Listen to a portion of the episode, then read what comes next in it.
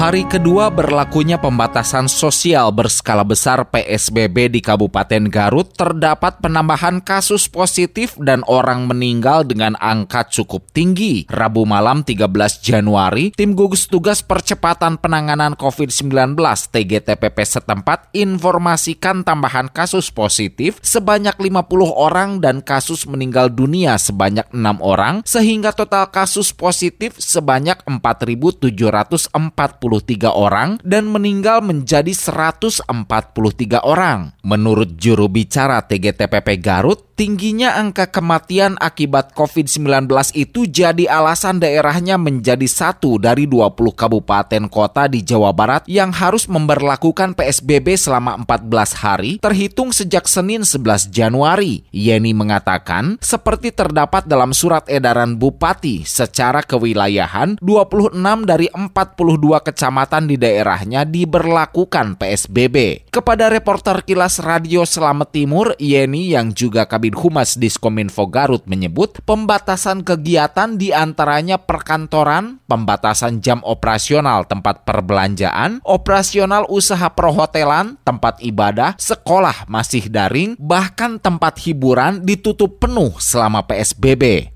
Angka kematian di Kabupaten Garut tertinggi di Jawa Barat, jumlahnya sudah 143 orang. 26 kecamatan memperlakukan PSBB ini dari tanggal 11 sampai tanggal 25. Ini membatasi tempat kerja, bekerja di rumah sebesar 75 persen, yang di hmm. kantor adalah 25 persen. Kegiatan belajar mengajar masih tetap dilaksanakan dengan daring atau online. Sektor pemenuhan kebutuhan pokok ini tetap beroperasi, namun dengan pembatasan sampai jam 19 malam. Hotel maksimal 25 persen dari kapasitas dengan hmm. protokol kesehatan Hmm. Pembatasan tempat ibadah juga 50% dari kapasitas. Tempat wisata dan hiburan itu ditutup untuk hmm. sementara.